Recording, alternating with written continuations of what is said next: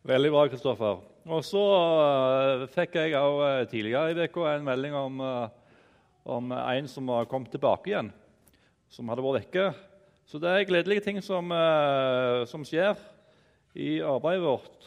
Og så er det sånn som som Kristoffer sier, tenk om vi kunne få oppleve det i enda større grad i, i arbeidet vårt. Uh, Iallfall er det sånn som meg at jeg, jeg står og takker Gud for det som skjer.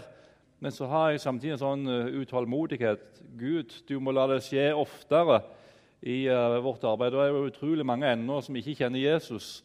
Og du må la oss få lov til å være et redskap for, for deg til at det kan skje i enda større grad, både i vårt eget liv og gjennom arbeidet vårt. Og Det er jo litt derfor uh, vi har satt denne tittelen for dette semesteret om 'Menigheten vokste ved Den hellige ånds hjelp'. Men før vi går inn på det, så så ber vi i lag. Herre Jesus, jeg vil eh, bare ganske enkelt be deg om ditt nærvær, om din Hellige Ånd, og be om at du må få lov til å tale inn i våre hjerter og inn i våre liv. Og så vet du hva livssituasjonen og hva vår eh, situasjon i forhold til deg er, Herre. Jeg eh, ber deg om at du må møte oss i disse minuttene i ditt navn, Herre. Amen. Jeg har litt sånn dårlig hals. Um, denne teksten som vi har for, denne, for dette semesteret, er henta fra apostelgjerningene kapittel 9 og vers 31. Vi skal bare lese det nå i, i starten. Der står det menigheten hadde nå fred over hele Judea og Galilea og Samaria. Den ble oppbygget og vandret i Herrens frukt og vokste ved Den hellige ånds hjelp.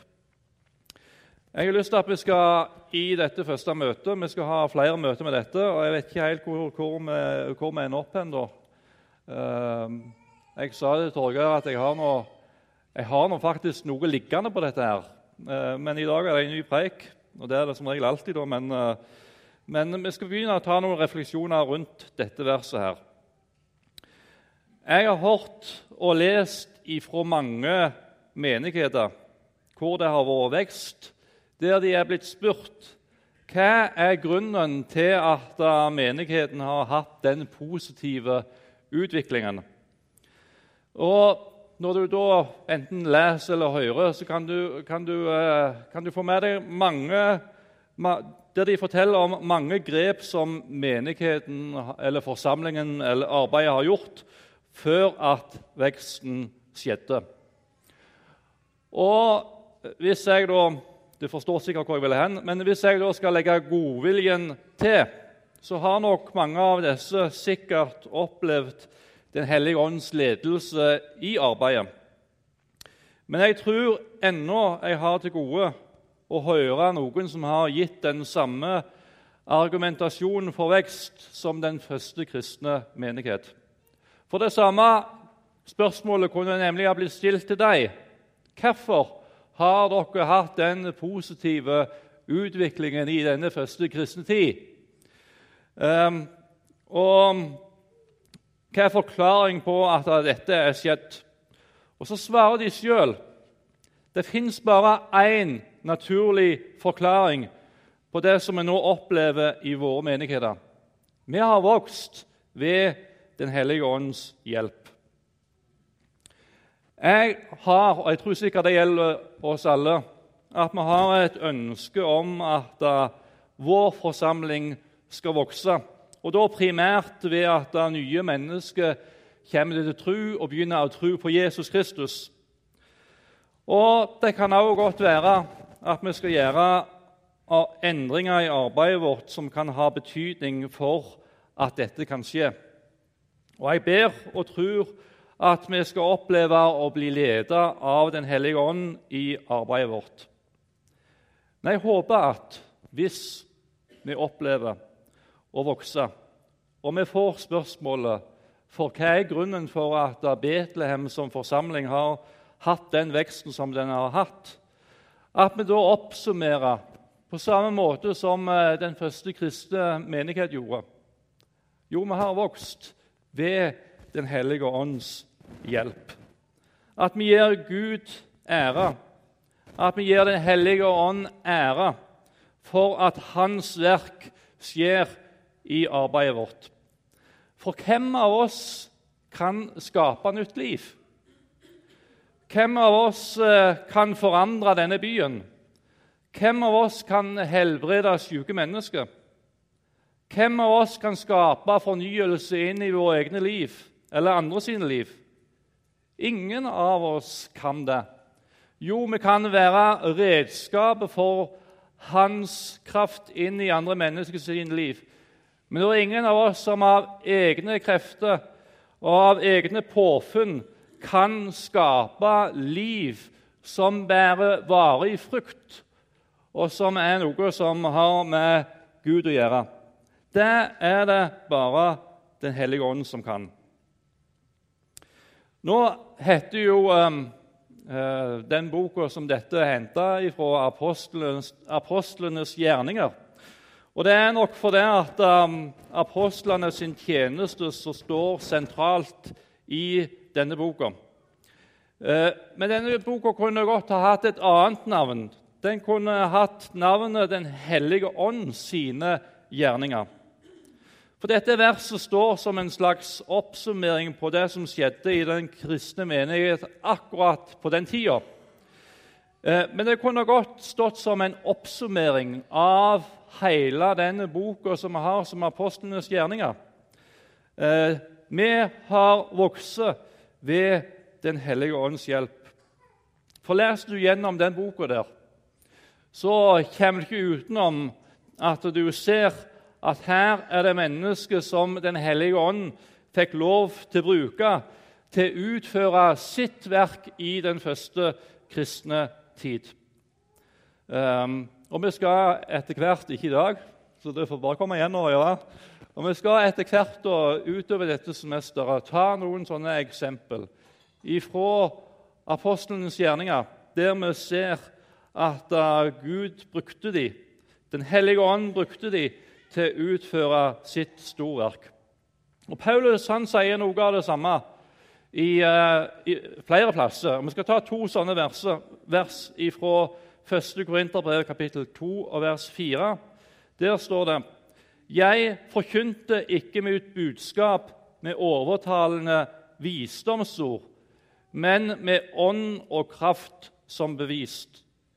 Og fra 1. Tessalonika-brev kapittel 1 og vers 5. For da vårt evangelium kom til dere, skjedde det ikke bare med ord, men også med kraft ved Den hellige ånd og med full overbevisning. Dere vet selv hva vi gjorde hos dere. Vi tenkte bare på dere. Um, vi, vi, blir vitne til gjennom hele apostlenes gjerninger hvordan Den hellige ånd virka gjennom enkeltmenneskets liv, sånn at andre mennesker ble møtt av Gud, og sånn at menneskets liv ble forvandla. Um, jeg tror vi trenger i vårt arbeid et enda større fokus på at skal vi virkelig oppleve at menneskets liv blir forandra, hva trenger vi da? Jo, da trenger vi et enda sterkere nærvær av Den hellige ånd. Hvis vi skal oppleve at vår bibellesing blir mer levende, hva trenger vi da for noe? Jo, vi trenger at Den hellige ånd åpner Bibelen for oss, sånn at vi forstår hva som står der. Så hvis du opplever at uh, bibellesingen din uh, går litt trått, så har jeg lyst til å oppfordre deg om å be om at Den hellige ånd må må vise deg hva som virkelig står i denne boka, og at uh, det som står i Bibelen, må bli liv for deg.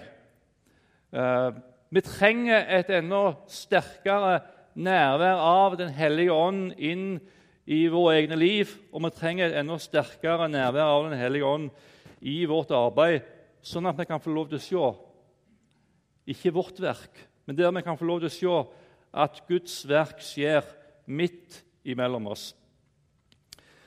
Jeg tror det er mange som i likhet med meg noen ganger har ønska seg en, en blå kopi av det som uh, skjedde i, uh, i, den første kristne tid, i den første kristne menighet. For det er jo så utrolig mye bra som skjedde. Eh, tenk å ha fått være med på at 3000 mennesker ble frelst, som det står om i Apostelgjerningen kapittel 2.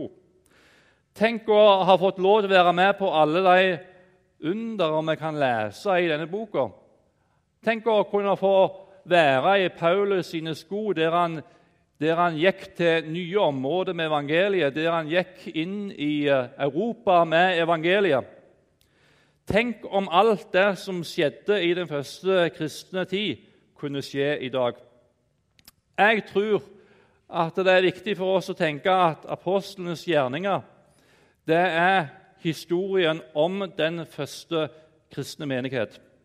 Og Det er ikke dermed sagt at alle enkelthendelsene som vi leser om i den boka, liksom kan tas blå kopier inn i vår tid i dag. For så er pinseunderet, som vi leser om i Apostelian kapittel 2, det er en enkelthendelse som ikke skal gjentas på samme måte. Men hvis du ser på hva som skjedde der, at mennesket fikk lov til å ta imot, at mennesket fikk lov til å bli forandra, at mennesket ble døpt, så er det noe som skal skje igjen. Men selve hendelsen skal ikke skje igjen. Og Sånn kan du finne flere eksempel på i eh, apostlenes gjerninger. Der det er en hendelse som skjer, som ikke akkurat skal kopieres, men det som skjedde i den hendelsen, det er noe som vi ønsker å se igjen.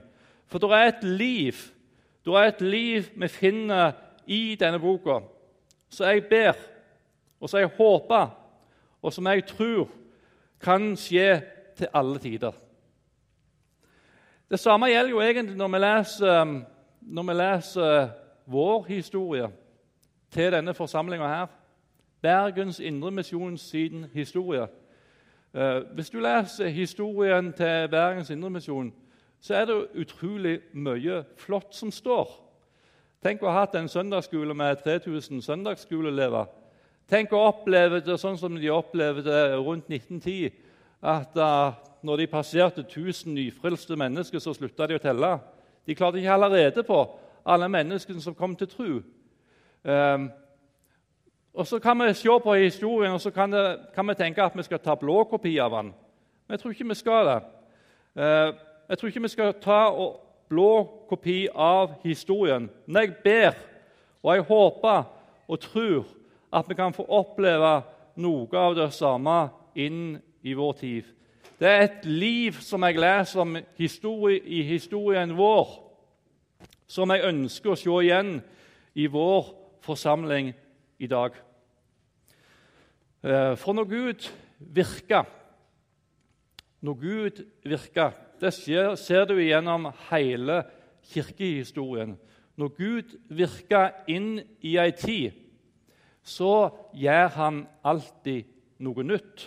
Det er noe nytt som skjer.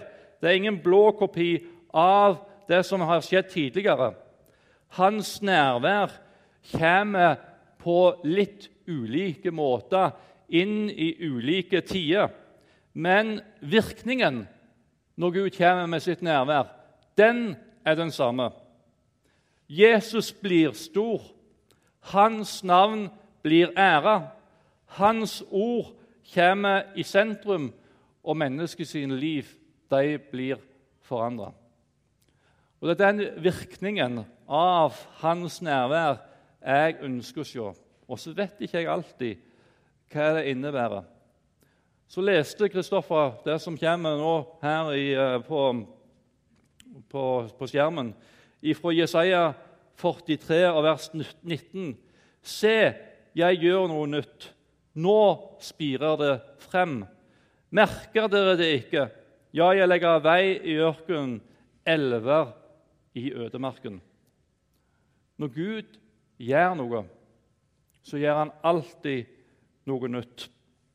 Eh, og Så får det være vår bønn. og Det er noe som jeg har sett sett eh, på disse bønnelappene som er blitt skrevet i løpet av denne helga her, eh, der folk virkelig ber om at Gud han må få lov til å gjøre sitt verk både i våre egne liv, i våre omgivelser, i vårt arbeid, um, ut til denne byens befolkning, der vi kan få lov til å oppleve at menneskets liv blir forandra. Der vi kan få lov til å oppleve at Gud gjør noe nytt inn i vår tid.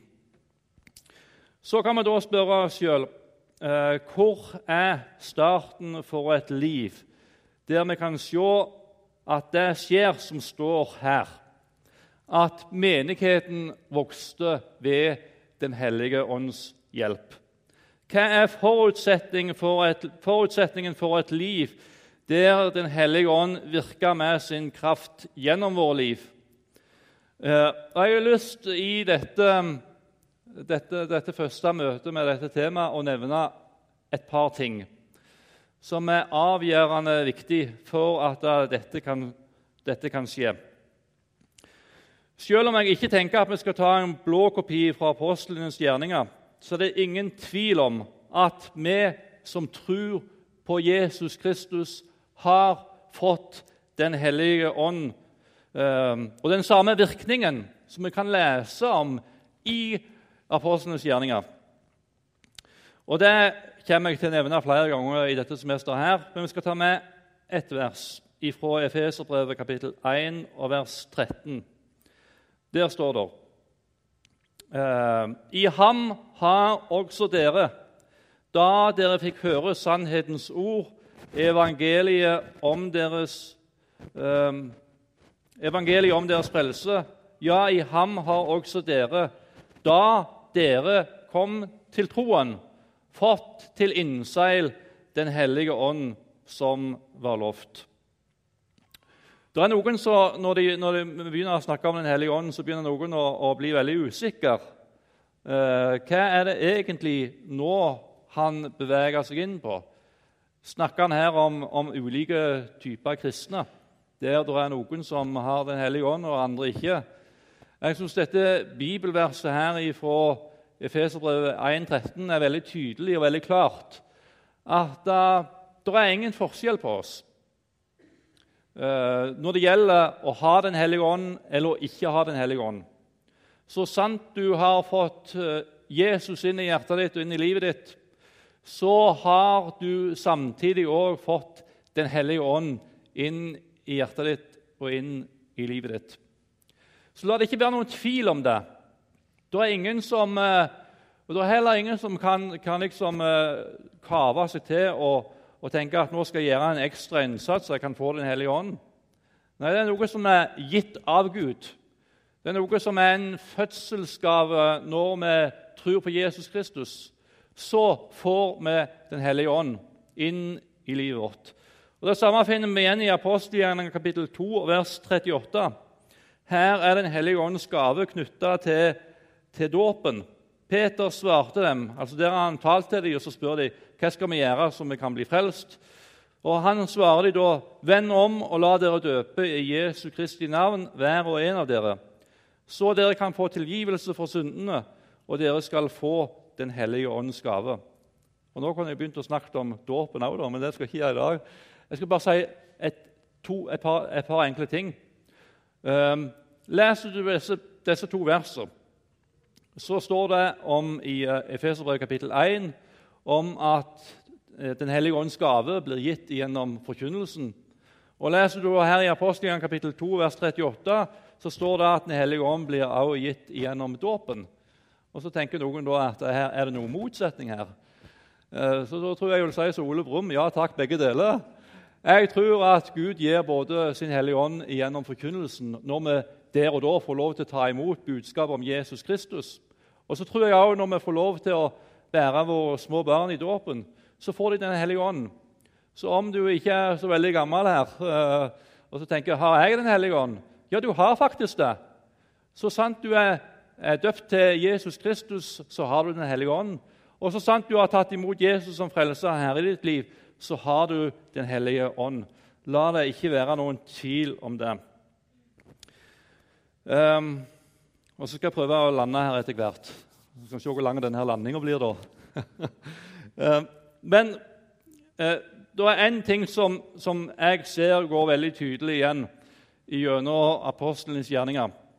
Og det er at uh, fellesskap med Jesus, med hverandre, eh, fellesskap i bønn eh, kommer forut for en kraftig virkning av Den hellige ånd.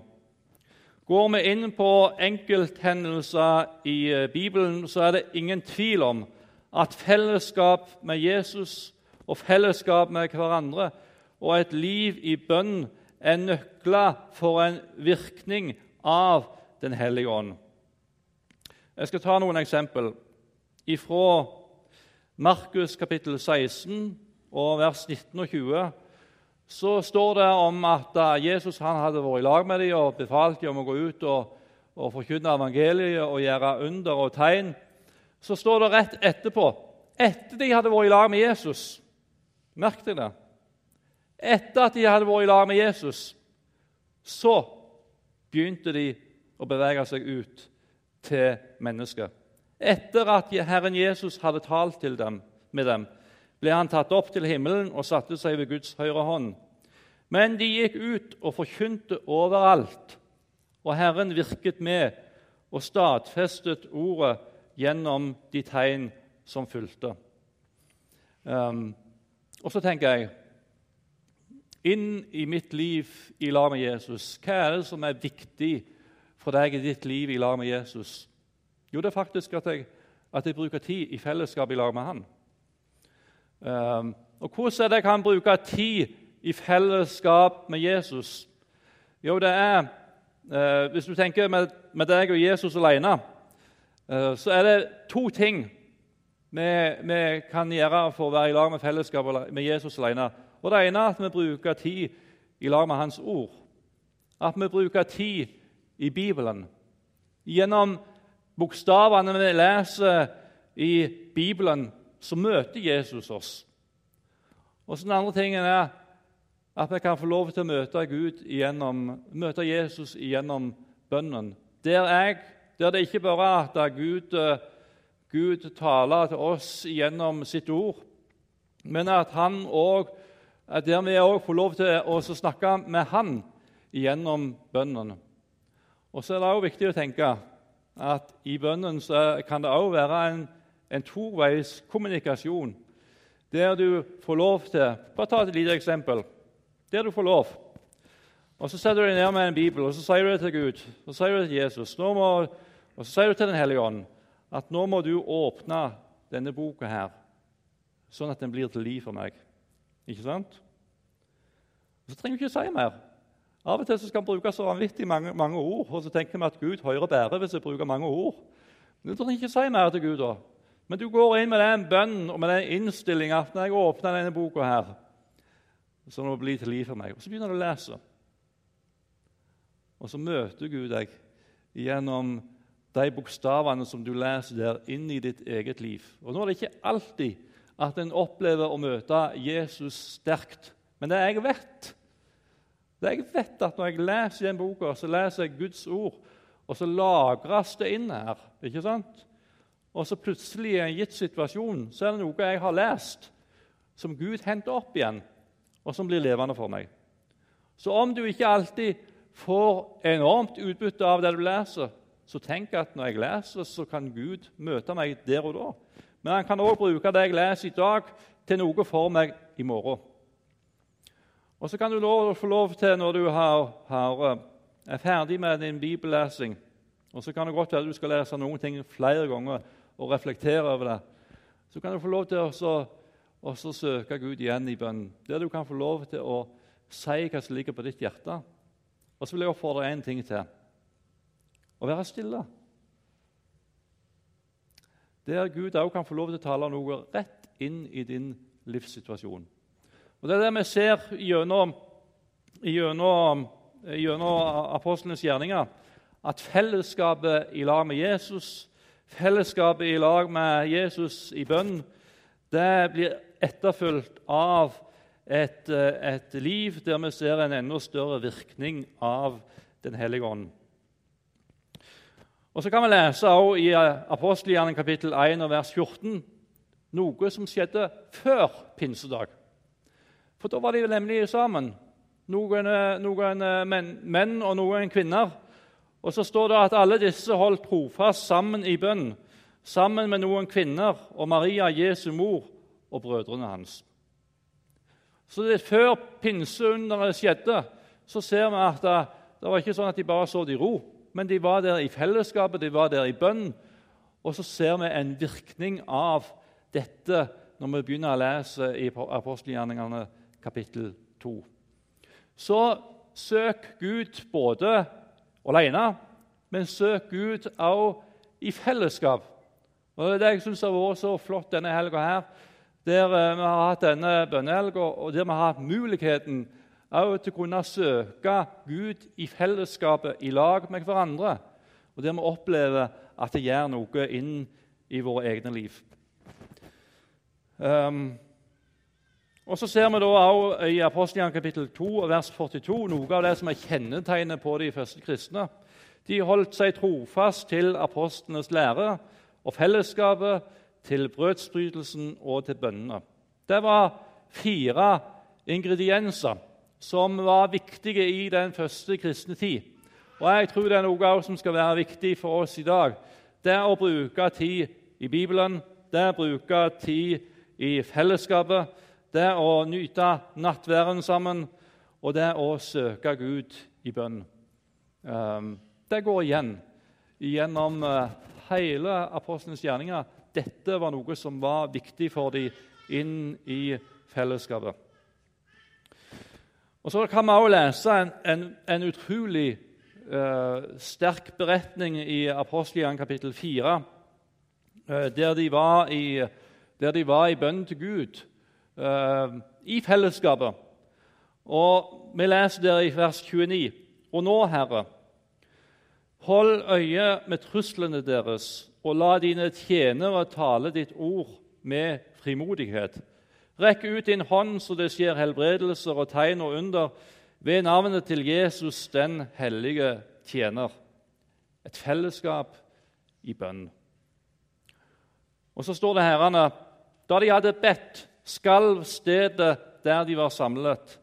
De ble alle fulgt av Den hellige ånd og talte Guds ord med frimodighet. Eh, så ser vi enda en gang hvor viktig fellesskapet i bønn, der vi får lov til å søke Gud i fellesskapet, var viktig for at de fikk lov til å se en sterk virkning av Den hellige ånd i deres eget liv og ut til andre mennesker. Så hva har dette å si oss, da?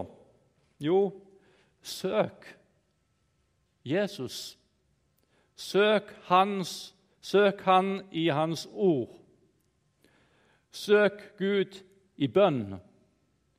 Søk Gud i fellesskapet. Og la det få lov til å virke i ditt eget liv, og la Han få lov til å følge deg med sitt ord. Det er ikke sånn at du kan ehm, eh, at det er, det er faktisk en sammenheng mellom virkningen av Den hellige ånd i vår egen liv og ut til andre mennesker, så er det en, en sammenheng mellom hvordan er det virkelig vi lever vårt liv sammen med Jesus. Det er ikke sånn at du kan bare gå og skru på en bryter og så si nå skal jeg ha mer virkninger av Den hellige ånd inn i mitt eget liv. Det kommer ut av et liv. Det kommer ut av et fellesskap i lag med Jesus. Det kommer ut av et fellesskap i lag med andre kristne så ønsker du å se enda mer av dette inn i ditt eget liv, så legg merke med hva jeg har sagt her i dag. Søk Hans ansikt. Søk Han den i Hans ord. Søk eh, fellesskap i lag med andre kristne. Søk Gud i bønn. Nå skal vi prøve å avslutte denne herrene, første, første møtet med dette temaet her. Men det kan være at det sitter noen her som eh, vet helt klart at jeg tror ikke på Jesus. Eh, og da har du heller ikke Den hellige ånd i livet ditt og hjertet ditt. Og jeg tror at hvis du tror på Jesus Kristus, så har du merka noe av dette livet som vi kan lese om i Apostelens gjerninger. Det er ikke dermed sagt at du har, kan si at jeg har merka alt det som står der. Men du har merka noe av virkningen av Den hellige ånd. At Jesus er blitt stor. at du ønsker å ære Hans navn med ditt liv, at du har en glede i Hans ord, og at du har, får lov til å søke Han med glede inn i bønnen. Det er noe av kjennetegnet på at Jesus bor i hjertet ditt og i livet ditt. At du virkelig har fått lov til å erfare noen av disse tingene inn i ditt eget liv.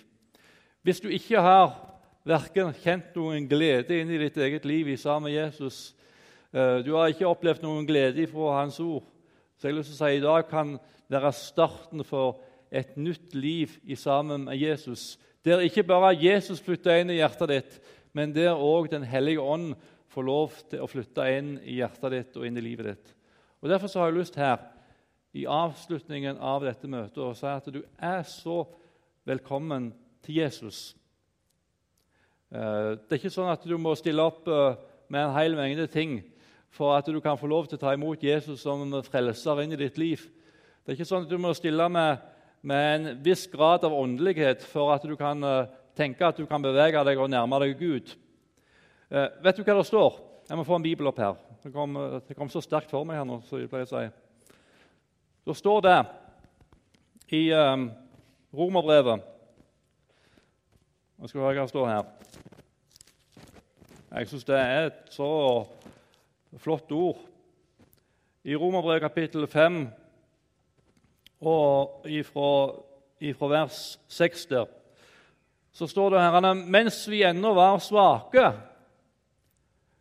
Mens vi ennå var svake, um, døde Kristus for ugudelige da tiden var inne. Ok, Hvem vil plassere i den kategorien der ugudelige? Nei, Det er vel sikkert ingen av oss. Eh, men, men sannheten er jo der med oss alle da, at vi er egentlig ugudelige. Så står det videre her Selv for et rettskaffet menneske vil vel neppe noen gå i døden. Eller kanskje vil noen gjøre det for en som er god. Men så står det her Men Gud viser sin kjærlighet til oss ved at Kristus døde for oss mens vi ennå var syndere. Det er ikke sånn at Gud så der oppe i himmelen og så venta han på at vi skulle bevege oss i retning av Gud, for at han kunne vise at han var glad i oss.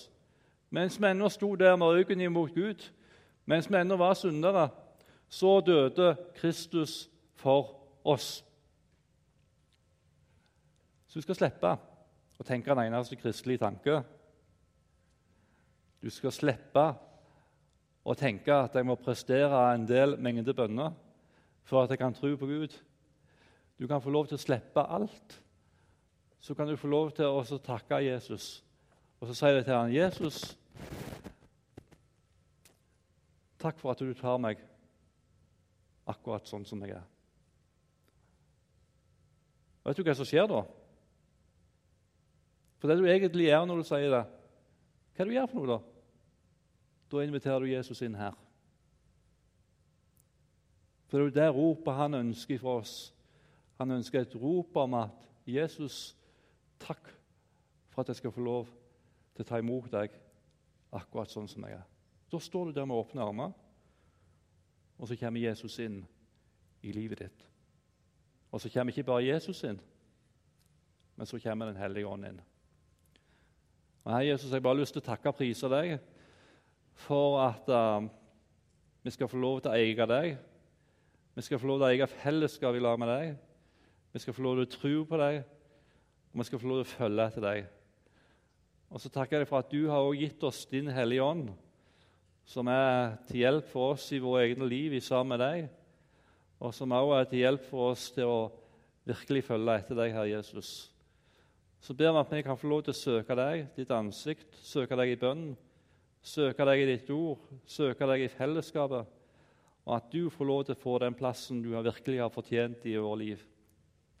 Og så eh, har du full oversikt over oss, Herre. Du har full oversikt over, over hjertene våre. Og nå har jeg bare lyst til å be deg, Herre, om at om det er noen her som ennå ikke har lukka deg inn i hjertet sitt og inn i livet sitt, så ber jeg om at de kan få lov til å virkelig lukke deg inn i livet sitt nå i dag. Og Nå har jeg bare lyst til å, å be den bønnen.